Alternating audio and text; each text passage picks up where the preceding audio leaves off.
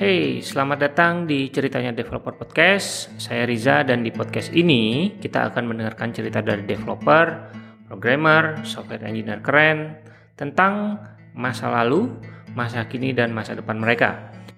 Tentang bagaimana mereka memulai karir sebagai developer.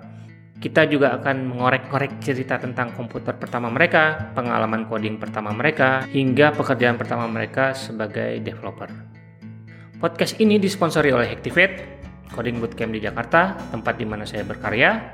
Terima kasih banyak Hactivate karena telah memberikan saya keleluasan waktu, tempat, dan beberapa device yang bisa saya pinjam untuk keperluan podcast ini. Dan di episode kali ini, kita akan mendengarkan cerita dari lead developer sebuah perusahaan Australia, Ogilvy, dan Ogilvy ini juga ada uh, home base-nya atau ada kantornya di Bali ya. Dan uh, si lead developer ini yang masih dirahasiakan interestnya ini di game development dan web development. Uh, beliau juga co-organizer Bali JS dan juga Facebook Developer Circle leadnya Bali. Oke mari kita sambut aja Mas Trimika Valentius. Halo. Halo Mas. Halo uh, terima kasih ya udah bersedia untuk diinterview di podcast ini. Sama-sama Mas. Aku yang terima kasih juga nih udah di-include.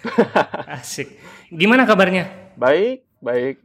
Baik ya. Nah. Oke. Okay. Uh, eh, tadi kan aku udah cerita sedikit tentang uh, Mas Mika nih. Hmm. Boleh nggak dilanjutin ceritanya, terutama buat uh, teman-teman yang belum kenal siapa sih sosok Trimika Valentius ini? Oh oke, okay. oke. Okay. Uh, ya, um, terima kasih sebelumnya uh, Mas Riza udah uh, ngenalin sedikit. Uh, ya, okay. sekarang aku uh, lead developer bekerja di Ogilvy Australia. Hmm. Um, kita kebanyakan kerjain apa project-project yang sifatnya interak uh, interaktif uh, de apps development seperti uh, web games, uh, apa interaktif uh, digital campaign, website, okay. uh, mobile okay. apps dan lain-lain. Mm -hmm. Nah, uh, mungkin uh, sedikit uh, sedikit sejarah dulu aku mulai menjadi awal menjadi developer itu aku mulai dari uh, membuat web game sederhana.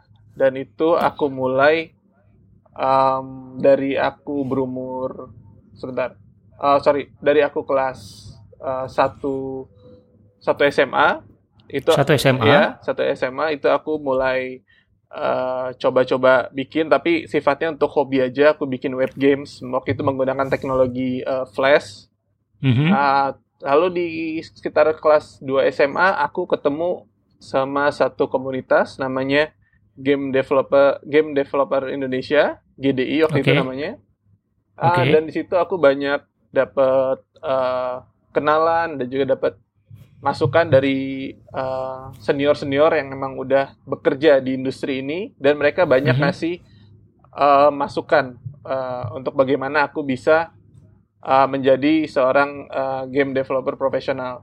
Nah, jadi oh, okay. di kelas jadi pada saat aku kelas 2 SMA itu aku udah mulai ngerjain project-project yang sifatnya freelance. Mm -hmm. Jadi aku udah mulai uh, jadi aku sambil uh, sekolah tapi sambil kerja juga ngerjain project kan oh. freelance. Oke, okay, itu game gitu ya? Ah, itu itu game. Ber, uh, project itu, itu kebanyakan berbentuk web games. Oke. Okay. Uh, eh, terus itu kelas 2 SMA ya? Iya, benar. Awal pertama kali tertarik di uh, apa mau bikin game itu hmm. dari mana sih? Awalnya main game pasti ya? Iya, awalnya itu awalnya dari main benar, game. benar banget dari main game. Itu hmm waktu aku masih SMP aku ketemu sama satu web sama satu website yang isinya game-game kecil sederhana. Okay. Nah, itu aku uh, tertarik banget untuk bisa bikin game-game seperti itu. Aku rasa juga apa uh, kok ini gamenya simple tapi uh, enak untuk dimainin gitu. Dan hmm. Gak, kita nggak perlu banyak resource uh, PC untuk bisa mainin game-game ini. Dari situlah okay. aku mulai coba. Pertama aku belajarnya itu dari Eh, buku-buku uh, di Gramedia. Waktu uh-huh. itu jadi aku cuman uh, baca aja tapi nggak beli karena uang jajan nggak cukup. iya ya, zaman dulu kalau mau belajar harus beli buku ya. Betul. Nggak kayak zaman sekarang ya. Iya, zaman sekarang semua ada. Bener, zaman sekarang udah ada apa uh, dari lengkap dari artikel online, uh, screencast di YouTube juga udah banyak banget dan juga nggak kalah komunitas-komunitas uh, sekarang juga uh, aktif banget untuk membantu junior-junior uh, yang mau belajar masuk ke industri ini. Oke. Okay. Nah, um, ya jadi kelas sekelas 1 SMA itu aku mulai aktif coba-coba bikin uh, tapi hmm. sifatnya hobi aja hobi ya dan kelas 2 SMA itu aku mulai udah mulai udah mulai coba yang sifatnya apa menghasilkan uang oke okay, freelance ya, freelance nah itu hmm. semua uh, aku bisa dapat informasi segala macam itu dari komunitas jadi okay. uh, eh, semenjak itulah aku ngerasa aku punya banyak uh, hutang yang aku harus kembalikan hmm. ke uh, komunitas itu sendiri. Oke, okay, wow. Ini uh, apa ya? Uh, insightful sekali ya. Dari awal udah tahu uh, manfaatnya dari komunitas betul, gitu ya. Betul, betul sekali. Oke, okay, uh, dari pengalaman pertama coding, terus uh, freelance, uh, dan terus lagi sampai sekarang gitu, apa sih yang membuat seorang uh, Mika itu jatuh cinta dengan coding dan pengen ngoding terus sampai sekarang? Oh, uh, menarik sekali dipercaya deh Om. jadi yang apa ya? Jadi kalau coding itu kita sifatnya uh, antara sebenarnya antara benar atau enggak. Jadi kita nggak bisa sebenarnya kita nggak bisa nebak-nebak uh, asalkan uh, logika kita udah benar, kita mm -hmm. udah um, logika kita udah benar. Jadi sebenarnya bug apa pun itu, kalau misalnya kita uh, trace back step-step uh, kita itu pasti akan ketemu. Oke. Okay. Nah, jadi ya jadi dan satu lagi si uh, coding itu kita sifatnya kayak kita membangun sesuatu. Jadi nggak membangun uh, ya kayak kita bikin game itu sifatnya jadi hmm. kayak kita ini kalau aku pribadi aku ngerasa kayak yeah. aku bikin mainan menggunakan Lego. Hmm. Jadi okay. jadi pieces-piecesnya itu sebenarnya udah ada, tinggal kita ngerakitnya aja. Kita mau bikin apa? Entah kita kita mau bikin rumah, rumah-rumahan atau mau bikin hmm. robot-robotan, binatang hmm. dan lain-lain. Itu yang bikin aku sampai sekarang sangat suka sekali coding karena um, sifatnya itu kita membangun sesuatu dan itu bisa uh, terlihat gitu apa yang kita bangun. Oke, okay, uh, eh, mungkin kita lanjut lagi. -hmm. Jadi uh, tadi kan udah sempat mention bahwa pertama kali uh, bersentuhan dengan komputer itu di SMA mm -hmm. bikin game, mm -hmm. terus SMA kelas 2 itu udah mulai freelance yeah. menghasilkan duit. Mm -hmm. Terus lanjutnya gimana? Oke, okay. jadi uh, semenjak itu saya masih terus freelance, terus mm -hmm. uh, nah pas ketika saya lulus uh, SMA, uh, kantor okay. di tempat saya yang biasa uh, ngasih saya kerjaan freelance itu nawarin ke saya uh, mau nggak kamu kerja full time tapi remote. Nah, okay. jadi waktu lulus SMA itu saya agak agak-agak bimbang juga nih mau uh, fokus kuliah aja atau nyoba uh, kerja full time tapi remote. Jadi soalnya okay. company yang tempat saya bekerja ini dulu itu kantornya di Sunderland, Inggris. Hmm. Jadi dia nggak punya kantor sama sekali, kantor fisik sama sekali di Indonesia dan kita kontak melalui internet aja. Oke. Okay. Nah, akhirnya setelah saya pikir-pikir, ah udahlah saya coba aja kerja full time tapi uh, sambil kuliah juga. Oh, nah, Oke. Okay. Itu tahun berapa mulai kuliah? Tamat SMA? itu tahun 2009. 2009. Hmm. Jadi sambil Jadi ha? sambil kerja kuliah. Iya, benar. Karena kuliah jurusan jurusan uh, teknik informatika waktu itu. Teknik informatika. Ah, jadi uh, sambil saya kerja remote, sambil kuliah juga uh, saya mulai apa mulai coba explore, nggak cuman apa uh, game programming aja. Saya okay. coba coba-coba mulai coding uh, website menggunakan PHP waktu itu. Mm-hmm. Terus uh, akhirnya keterusan, uh, mm-hmm. saya ngerasa uh, ya jadi dunia pemrograman itu nggak cuman uh, web game saja. Bisa kita bisa okay. bikin website, bisa bikin mobile apps. Uh, sebenarnya yeah. intinya sama aja sih. Cuman mm-hmm. cuman uh, medianya doang medianya ya. Medianya aja. Ya. Yeah. Nah, sampai okay. nah setelah itu ya saya mulailah apa uh, dapat tawaran untuk uh, kerja di perusahaan onsite, uh, saya juga mhm. ngerasa uh, tertantang untuk gimana ngerasain suasana kantoran ya akhirnya ya sampai sekarang lah saya bekerja okay. di Bali. Jadi uh, di perusahaan Sunderland itu berapa lama sampai bertahan berapa lama? Itu sekitar setahun. Setahun ya? hmm. ya. Oke. Okay. Terus habis itu fokus kuliah atau sambil kerja juga? Sambil kerja. sambil kerja juga. Iya. Freelance freelance gitu. Iya, freelance freelance gitu. Oke, begitu lulus kuliah? Ha, abis, uh, setelah itu uh, saya mulai coba apa kerjaan yang onsite yang di kantoran. Mm -hmm. Ya, di lulus kuliah tahun berapa? Itu sekitar tahun 2013. 2013. Ah. Oke. Okay.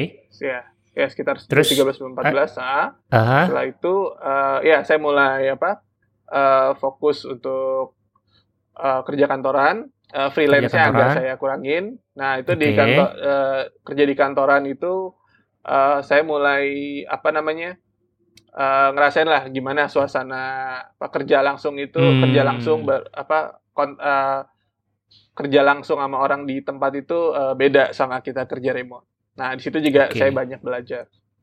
Ya. Wow, uh, ini ceritanya luar biasa sih ya. Jadi orang-orang di apa baru ngeh akhir-akhir ini kayak, "Wah, oh, kerja remote, kerja remote gitu kan apa digital nomad." Yeah. Mas Mika udah dari 2009 ya. Iya. Kurang udah lebih. remote duluan. Iya. Oke. Okay. Uh, eh, Terus sampai ke tahap sekarang itu hmm. boleh diceritakan sedikit-sedikit misalnya habis dari lulus kuliah hmm. ke kantor uh, apa kerjanya sebagai apa gitu. Yeah. Pertama kali kerja kantoran itu uh, apa dev, sebagai developer pastinya ya. Iya, yeah, pertama kali kerja kantoran itu saya kerja sebagai developer. Uh, mm-hmm. memang agak sedikit um, feel-nya berbeda sih sama kita kerja remote ya. Kalau kerja remote kita komunikasi cuman by uh, Skype aja atau chat tapi kalau okay. di kantoran itu kita uh, ketemu langsung, uh, ya ada plus minusnya. Tapi yeah. Ya. uh, saya ngerasa uh, kerja di kantoran itu sebenarnya nggak nggak uh, kalah seru sih dibanding kita kerja remote. Malah mm -hmm. kalau kita kerja kantoran, kita bisa sambil juga uh, mentorin orang-orang di kantor. Nah, okay. jadi kalau misalnya remote kan agak sulit tuh kita mau yeah. bantuin teman kita yang kesulitan. Nah, kalau di kantor mm -hmm uh, teman kesulitan kita bisa langsung bantuin. Ini loh, kamu ke sini ke sini sini, terus uh, hmm. cari resource-nya di sini, coba coba apa cek di sini errornya dan lain-lain. Oke, okay, jadi ada plus minusnya Benar, ya. Benar, ada plus minusnya. Oke, okay, uh, eh, next question ya. Hmm. Punya momen yang membanggakan nggak selama jadi developer? Momen membanggakan, um, sebenarnya banyak sih, tapi okay. uh, yang paling yang paling berkesan itu adalah ketika uh, salah satu kerjaan uh, freelance saya, mm -hmm. uh, saya waktu itu bikin web game sederhana. Oke. Okay. Uh, terus gak nyangka uh, yang web games itu dimainin lebih sampai eh, sorry dimainin lebih dari 2 juta orang di minggu pertama game itu dirilis. Wow. Nah, itu itu cukup membanggakan sampai sekarang masih teringat-ingat. masih teringat. Masih ada nggak gamenya sekarang? Kayaknya masih, cuman okay. nanti aku kasih linknya.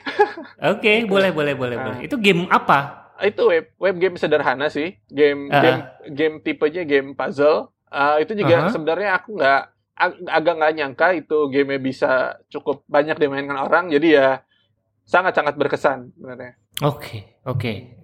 Keren. Nanti uh, kita share linknya ya. Iya. Siapa tahu ada yang mau main. Boleh. Oke, okay, sekarang kalau momen yang memalukan gitu selama jadi developer ada nggak sih? Memalukan. Um, kalau sebagai developer uh, biasanya apalagi uh, waktu saya kerja di kantoran itu ya ada, ada kalanya ketika uh, kita nggak bisa uh, apa namanya uh, deliver project sesuai dengan deadlines. Oke. Okay. Nah, itu itu saya rasa hampir semua developer pernah yeah. ngalamin itu ya. Akhirnya ya yeah. uh, kita jadi apa setelah itu kita ngerasa sedikit apa nggak pede, kayaknya nggak ngerasa pede. apa ya pokoknya macam-macam lah. Tapi dari situ saya belajar uh, untuk uh, gimana caranya uh, kita ngasih estimasi itu harus serealistis mungkin. Jadi jangan terlalu ngepush diri kita dan nanti ternyata nggak sesuai sama ekspektasi yang udah kita kasih ke orang lain. Oke. Okay. Yang memalukan itu kan pada saat uh, tidak bisa mendeliver. Pernah paling parah pernah kena penalti apa sih? Pada saat oh, tidak bisa mendeliver. Ya, kalau penalti kayaknya nggak nggak nggak pada pada banget ya. ya. Cuman kita jadi ya begada apa bisa dibilang hampir begadang dua tiga hari okay. gitu deh. uh, dua tiga hari nggak tidur uh, iya, gitu ya kurang lebih gitu untuk oke okay, untuk mengejar ketertinggalan benar gitu ya. benar benar oke okay, jadi nggak ada nggak ada kayak uh, penalti atau uh, punishment apa tapi lebih ke tanggung jawab kita ya, aja gitu lebih ya? ke tanggung jawab kita aja tapi itu malah okay. bagus sih uh, maksudku uh, dengan begitu kita belajar uh, jadi tahulah batasan diri yeah. kita di mana dan mm-hmm. ya gimana kita harus uh, apa memanage ekspektasi Manage yang sudah kita berikan ya. uh, Oke, okay. uh, kalau boleh tahu bahasa pemrograman favoritnya apa sih? Kalau untuk sekarang aku lagi uh, suka banget main di JavaScript. JavaScript.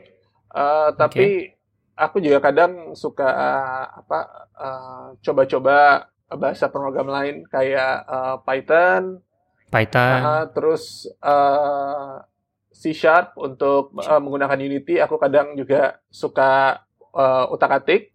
Oke. Okay. Uh, tapi untuk main apa uh, kerjaan aku sehari-hari, aku masih banyak menggunakan JavaScript baik untuk uh, yep. front end sama back end juga menggunakan Node.js. Oke, okay. backendnya Node.js, front endnya React. Front endnya React. Oke, okay.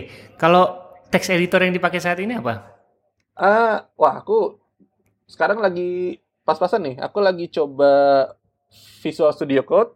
Itu ya, Code. dulu aku sempet coba Atom, Sublime hmm. Text, tapi sekarang hmm. lagi coba beralih ke Visual Studio Code. Karena Visual ya, Studio karena enak banget. Oke. okay. Punya mentor nggak sih di awal-awal karir? Oh banyak. Aku banyak. aku kebanyakan mentor-mentorku itu itu tadi dari komunitas. Komunitas. Hmm, uh, itu mereka udah emang udah game developer profesional. Mereka kerja hmm. di uh, apa namanya uh, online game company.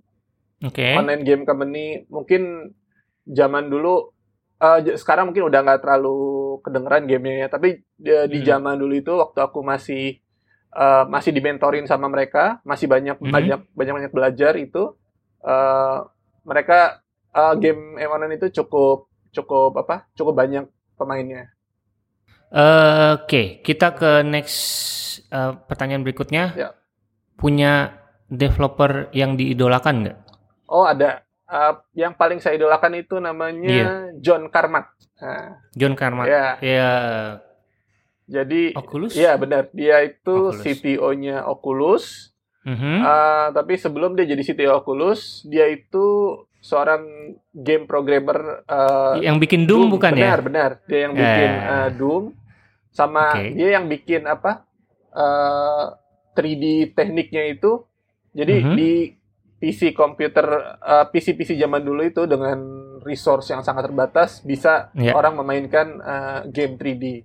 Nah, itu, game 3D ya, ya. Itu keren banget dan juga uh, di sisi selain tek, selain sisi teknis yang saya kagumi dari si John Carmack ini, uh, hmm. beliau juga sangat uh, apa baik sekali mau share teknik-teknik uh, yang udah dia apa ciptakan itu ke komunitas. Dia open okay. source semua, hampir semua kerjaan dia dia open source kan. Oh, Oke, okay. keren ya? Ya, keren keren banget.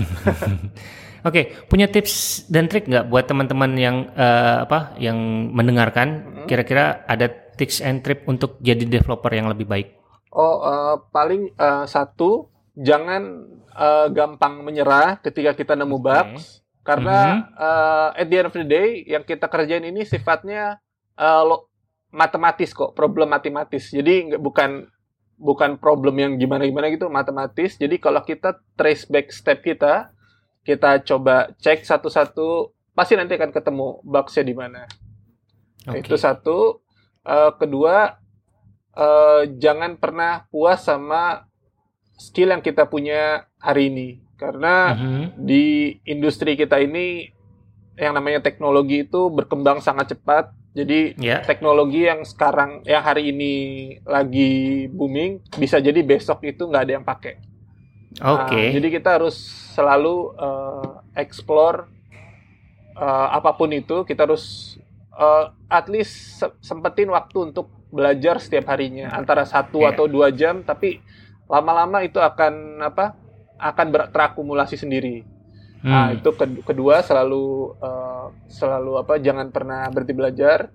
Dan yeah. yang ketiga uh, aktiflah di komunitas karena aktif di komunitas. Betul, karena dengan kita aktif di komunitas itu nggak nggak cuman kita uh, ngasih waktu kita komunitas, tapi kita juga nanti akan banyak belajar di sana. Oke. Okay. Gimana caranya berinteraksi dengan orang, gimana kita mm -hmm. bisa mentor orang, dan juga nanti kita akan banyak uh, menemukan orang-orang yang jauh lebih hebat daripada kita, dan yeah. nanti kita akan banyak belajar juga dari mereka. Iya, kita bisa belajar dari orang-orang yang lebih jago. Betul. Oke, okay. uh, eh, Mas Mika suka baca buku nggak sih? Oh banget, suka. Banget. banget. Uh, punya punya rekomendasi buku nggak buat teman-teman developer? Oh oke, okay. kalau untuk uh, salah satu buku favorit saya itu namanya Head First Design Pattern. Mm-hmm. Mungkin aku cerita dikit ya mengenai buku ini ya. Boleh, D- boleh, boleh. Dulu uh, aku pengen banget belajar konsep design pattern, OOP, okay. DOP. Terus uh-huh. aku pertama aku coba baca bukunya apa uh, Gang of Four. Gang of Four, ya. oke. Okay. Itu aku agak sedikit uh, bingung.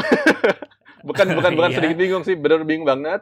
Sampai aku direkomendasi sama salah satu mentorku untuk baca uh, Head First Design Pattern. Itu dari O'Reilly.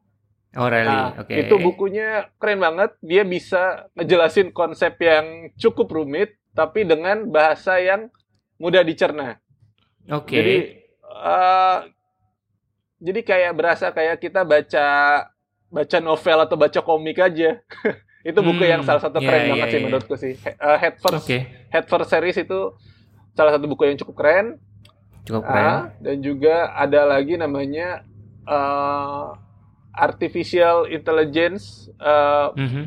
for Games by Example. Itu penulisnya namanya Matt Buckland Mm-hmm. Uh, itu di buku itu banyak dia ngasih contoh-contoh uh, artificial intelligence untuk mm-hmm. kita bikin AI uh, terutama untuk game tapi yeah. uh, dari awal buku itu dia udah ngenalin konsep uh, matematis sederhana kayak trigonometri uh, lo, apa logic gates jadi sebenarnya itu uh, walaupun itu ditujukan untuk game developer tapi itu mm-hmm. uh, saya rasa banyak bermanfaat untuk apa namanya untuk karir kita uh, apa pun itu di bidang uh, software.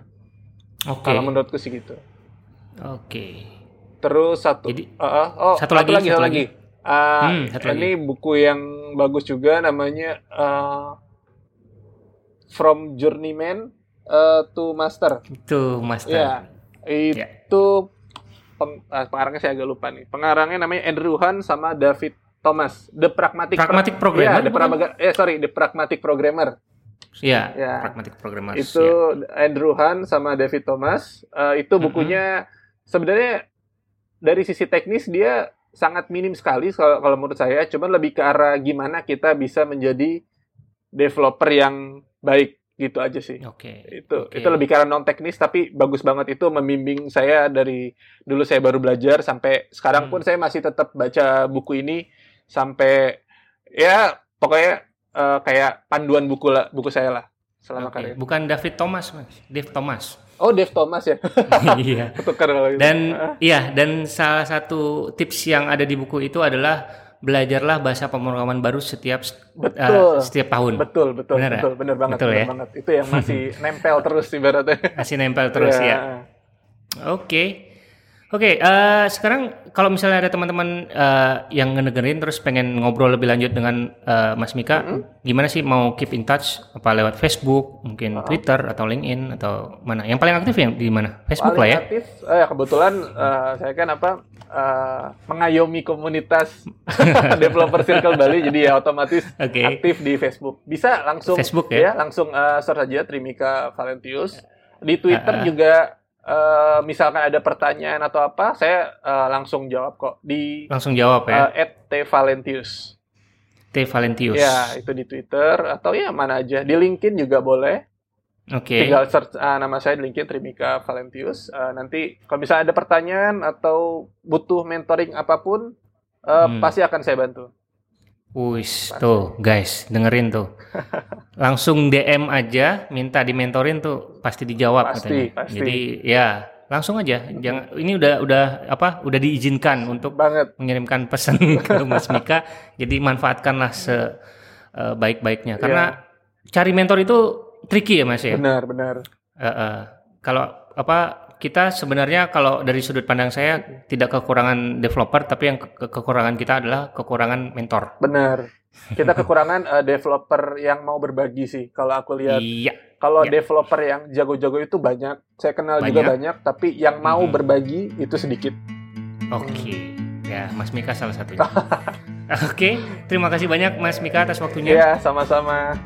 Sukses terus untuk karir dan kehidupannya. Iya, terima kasih. Thank you. Kritik dan saran atau sekedar hai boleh kirim ke email rizafahmi@gmail.com atau DM di Twitter @rizafahmi22.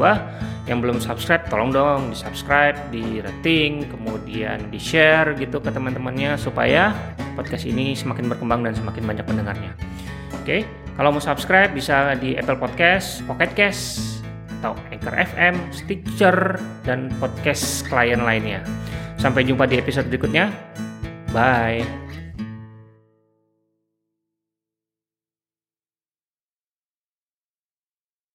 Aku tadi lupa share juga karena kalau misalnya kita lihat di apa uh, tech culture-nya di US itu kan uh, mereka bisa maju karena memang banyak developer yang mau berbagi dan juga yang jago juga banyak juga. Nah mungkin salah satu mm -hmm. ya isunya di sini kita sedi agak sedikit sih ya developer yang mau berbagi. Oke. Okay.